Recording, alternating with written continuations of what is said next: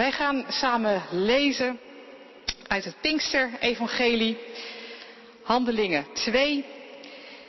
De geest is uitgestort, de discipelen die vertonen tongen van vuur op hun hoofd en ze gaan spreken in alle talen. En daarna reageren de mensen op wat er gebeurt. We beginnen te lezen bij vers 12. Verbijsterd en geheel van hun stuk gebracht, vroegen de mensen aan elkaar. Wat heeft dit toch te betekenen? Maar sommigen zeiden spottend, ze zullen wel dronken zijn. En daarop trad Petrus naar voren, samen met de elf andere apostelen, verhief zijn stem en sprak de menigte toe. U Joden en inwoners van Jeruzalem, luister naar mijn woorden en neem ze ter harte.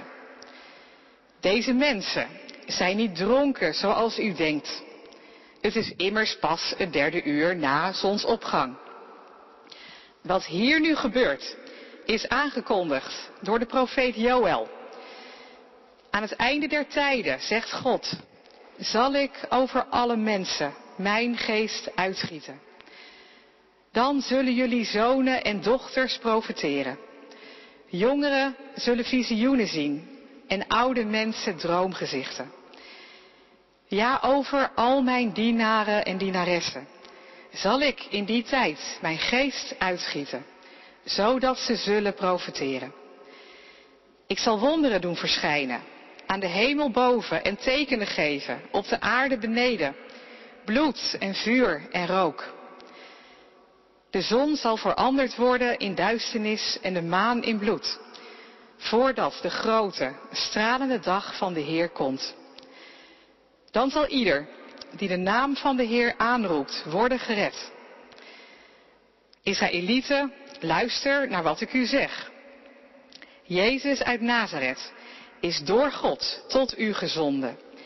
Hetgeen gebleken is uit de grote daden en de wonderen en tekenen die God, zoals u bekend is, door zijn toedoen onder u heeft verricht.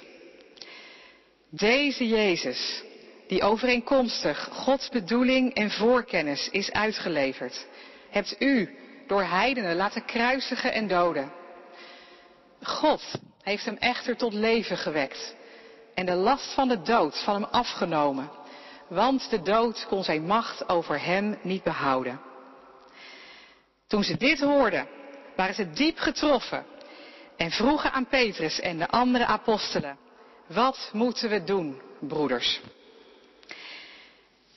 Dit is het woord van God.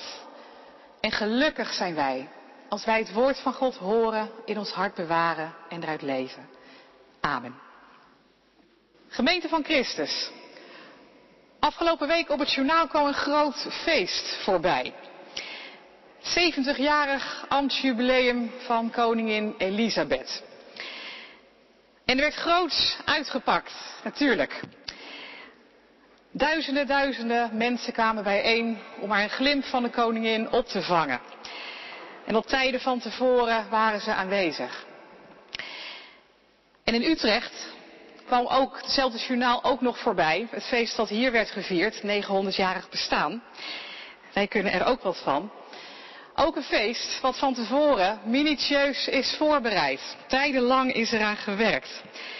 Er wordt weinig aan het toeval overgelaten. Om maar te zorgen dat het zo feestelijk mogelijk kan verlopen. En om te voorkomen dat het anders loopt dan gepland. Te voorkomen dat de openbare orde wordt verstoord. Dat moet niet gebeuren. En als je zelf een feest viert, dan is dat vaak ook iets wat je ook tot in de puntjes toe voorbereidt. Tuurlijk, verrassingen zijn best leuk hoor. Maar we hebben het graag zelf in de hand. En ik weet niet hoe jouw familie in elkaar zit. Maar in veel families is er wel ergens zo'n raar familielid van wie je van tevoren denkt, die gaat toch niet opeens een liedje zingen. Of die oom die net een beetje te makkelijk de biertjes achterover slaat en een beetje loslippig wordt. Hij zal zich toch wel inhouden. In Handelingen 2 is er ook een feest bezig. De Joodse Pinksterfeest bestaat al eeuwenlang, al eeuwen voordat het een christelijk feest werd. Een oogstfeest om God te danken voor de graanoogst. En het feest waarop de Joden ook vierden dat God de wet gaf op de Sinaï en een verbond sloot. Zijn goede regels voor het leven. En daar was de stad vol mensen voor. Al die mensen die kwamen toegestroomd van heinde en verre om hierbij te zijn. En ze wisten wat er ging gebeuren. Ook een feest wat minutieus wordt voorbereid tot in de puntjes. En ze weten precies wat ze kunnen verwachten in de tempel en in de feesten daaromheen. Want je wilt toch niet dat het verstoord wordt. Toch is dat precies wat er wel gebeurt. Er gebeurt van alles wat niet in de draaiboeken staat. Die hevige wind, de tongen als van vuur, de discipelen die eerst bij elkaar zijn in hun kamer en opeens zijn ze op straat aan het verkondigen. In al die talen die ze nog nooit hadden gesproken. Dit kan toch niet? Wij kennen deze mensen toch? Ze zijn van hun stuk gebracht, de mensen. Wat betekent dit? En sommigen zeggen spottend, ze zullen wel dronken zijn. En als iemand dronken is, dan zijn wij dus bang dat die persoon de orde gaat verstoren. De orde van hoe wij de dingen hebben bedacht en afgesproken. Maar het verstoren van die orde, dat gaat nog door. Want dat doet Petrus ook. Petrus gaat spreken. En dat is mooi, dat is prima. Dat gebeurt op een religieus feest, tuurlijk. Alleen, hij heeft het niet over de lezingen die ze dan gewend zijn te horen. Hij heeft het niet over de wetgeving op de Sinaï. Hij heeft het niet over het boek Rut, wat gelezen wordt normaal gesproken. Nee, hij haalt iets anders aan. Joël. Joël, die net heeft gesproken over een natuurramp. Hij heeft het niet over de oogst, maar juist over het tegengestelde, het mislukken daarvan, omdat de sprinkhanen alles hebben opgegeten. Dramatisch. Betekent honger en armoede. En die sprinkhanen zijn niet zomaar gekomen, zegt Joël. Hij geeft er een duiding aan. God heeft ze gestuurd. Omdat de mensen van God waren weggegaan. En deden wat ze zelf wilden. En als dat gebeurt, is dat heel slecht nieuws. Vooral voor de mensen die geen macht hebben. Als mensen hun eigen zin gaan doen, is dat slecht nieuws voor degenen die zichzelf niet kunnen redden. God had die sprinkhanenplaag gestuurd. Als een waarschuwing ook voor het einde van de tijden. Voor de dag van de Heer. Waarop God komt. Om de dingen recht te zetten. Als hij recht van onrecht scheidt. En Joel zegt die sprinkhanenplaag is nog maar kinderspel. Bij wat er dan gebeurt. Dus bekeer je. Ga terug naar God. Zeg ja tegen hem. Maar is dat wel een tekst voor een feest? Petrus, moeten we het vandaag hierover hebben?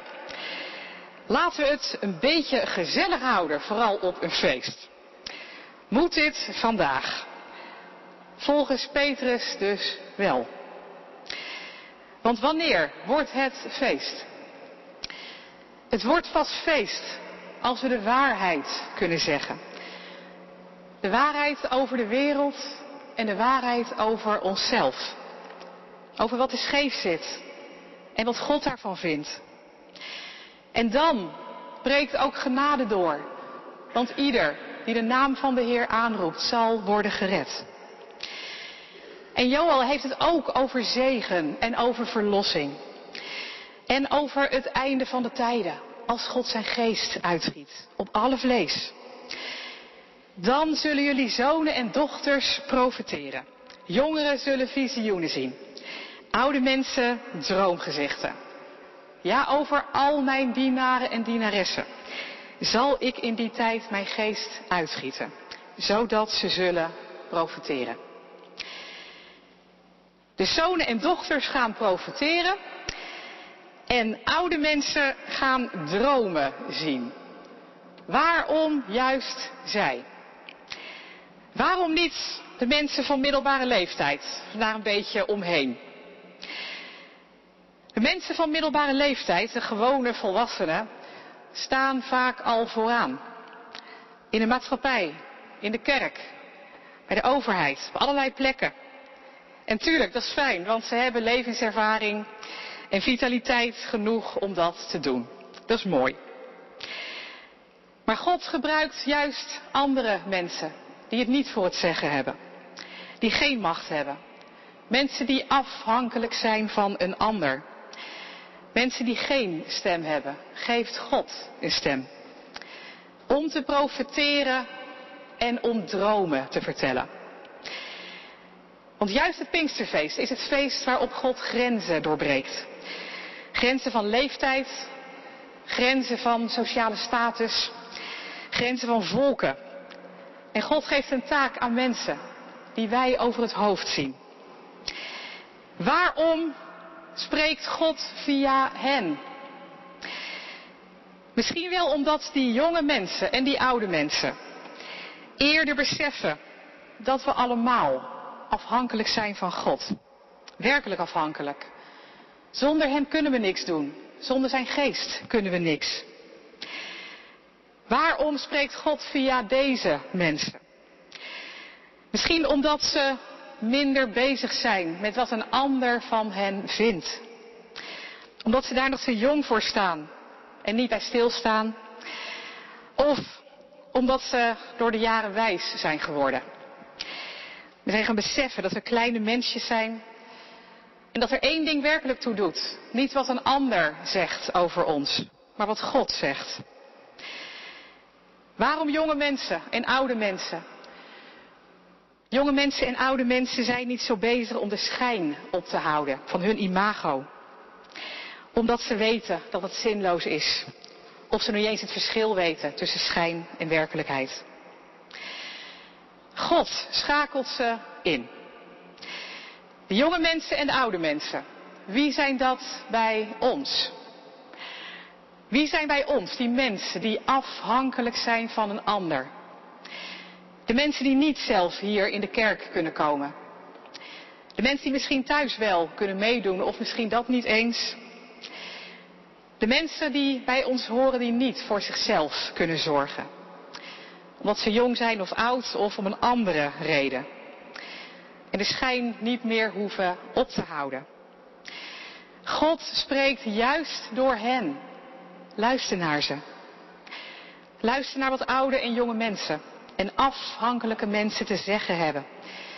Want daar komt de waarheid vandaan, zo vaak. En de jonge mensen gaan dus profeteren. Wat is dat? Als het gaat over profeteren, dan denken wij vaak aan de toekomst. Iemand die zegt wat de toekomst inhoudt. En dat kan het ook zijn. Profeten hebben het ook over de toekomst. Maar profeten hebben het ook over het nu. Over de werkelijkheid van deze wereld gezien door de ogen van God. De wereld gezien door de ogen van God.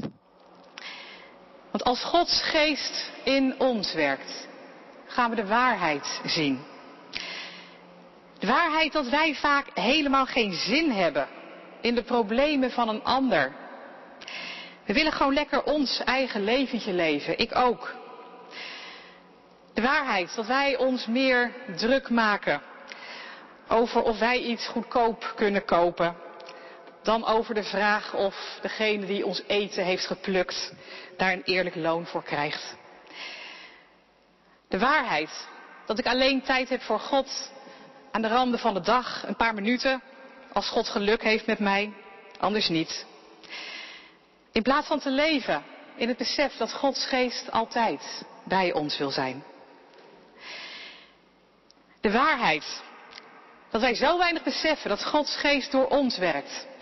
Juist voor die mensen op ons pad.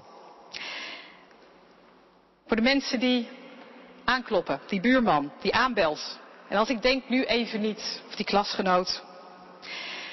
En als Gods geest in ons werkt, dan zien we de waarheid over Jezus. Jezus die wij hebben gekruisigd. Petrus die spreekt die mensen toe op het Pinksterfeest. En hij zegt, jullie hebben Jezus gekruisigd. Maar zijn dat de mensen die dat echt gedaan hebben dan? Nee, waarschijnlijk niet. Het waren die mensenmassa's die voor het feest naar Jeruzalem waren gereisd. Die waren er waarschijnlijk niet, een week of zeven, acht geleden met de kruisiging. En toch zegt Petrus, jullie hebben het gedaan. En ze beseffen het, want ze roepen, wat moeten we doen? Jullie hebben dat gedaan, wij. Door al dat ongeloof van ons en dat gebrek aan liefde. Als Gods geest in ons werkt, gaan we die waarheid zien. Van Jezus die voor ons is gestorven en opgestaan. Die ons wil vergeven en nieuw leven wil geven. Hij staat voor ons en stelt ons de vraag, volg je mij? En de ouderen gaan dromen dromen. Want als Gods geest in ons werkt, dan gaan we dromen. Dromen dat door de geest van God werkelijk dingen kunnen veranderen, ook hier en ook nu. Ook in onze wereld en ook in ons land. Dromen dat die ongelijkheid tussen mensen in het onderwijs, op de arbeidsmarkt, op de woningmarkt, al die ongelijkheid hoeft niet zo te zijn. En als wij het geluk hebben dat we heel vaak aan de goede kant staan, denk eens aan die ander, zoveel meer mensen voor wie dat niet geldt. Als Gods geest in ons werkt, beseffen we hoeveel goeds wij ook kunnen doen. En als Gods geest in ons werkt, gaan we ook dromen over onszelf, dat ook wij kunnen veranderen. Dat wij niet vast hoeven blijven zitten aan al die dingen die ons vastketenen.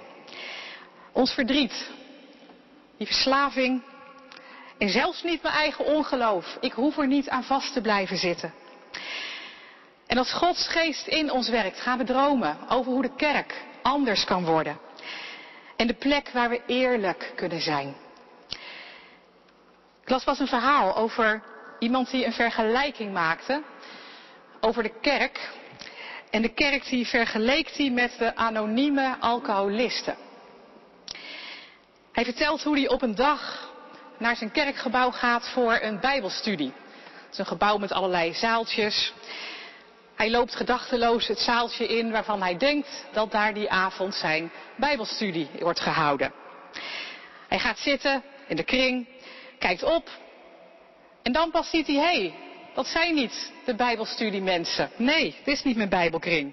Ik ken deze mensen niet. Lijkt een bijeenkomst te zijn van de anonieme alcoholisten.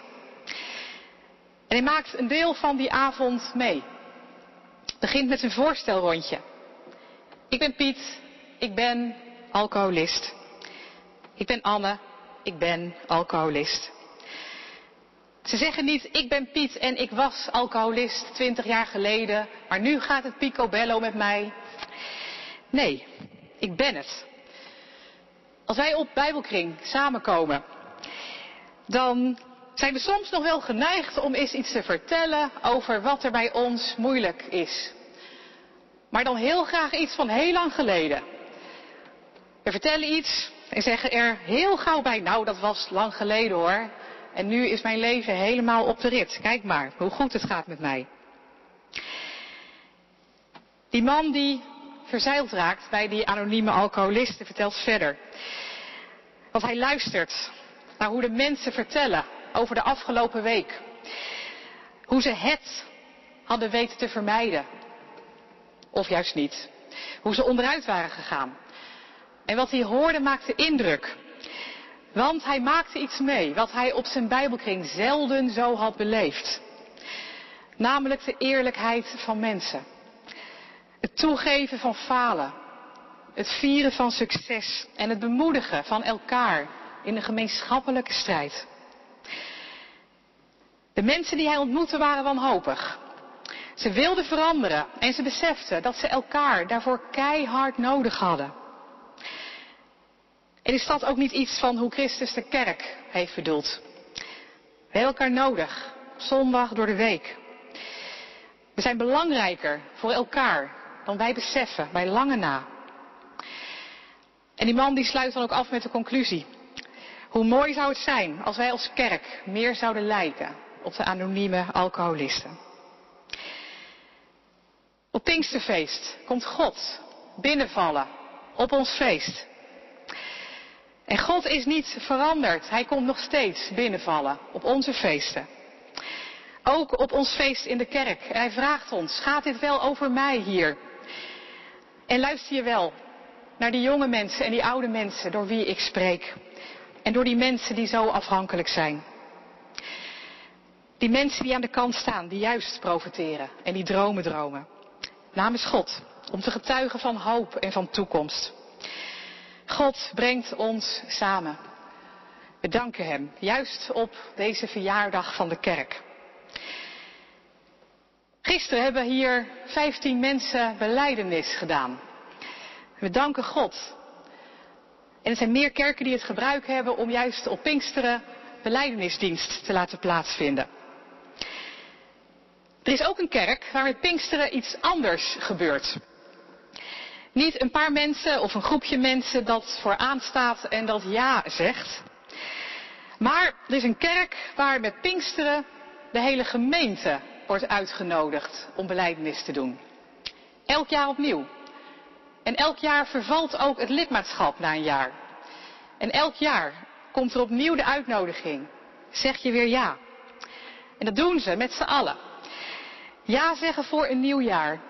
Ja zeggen tegen God. En ja zeggen tegen elkaar. Voor een jaar. En waar zeggen ze dan precies ja tegen? Ze hebben dat wat nader onder woorden gebracht. Wat in hun gemeenschap dan de pijlers eigenlijk zijn waar je dan je ja op belooft. Namelijk dat je zeven dingen eigenlijk doet of over mee bezig bent.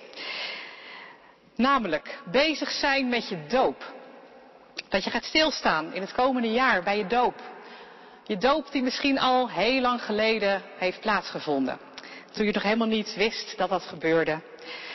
Of misschien was je al volwassen. Of je doop die nog gaat gebeuren. Sta erbij stil wat het betekent. Dat je met Christus bent gestorven en opgestaan in nieuw leven.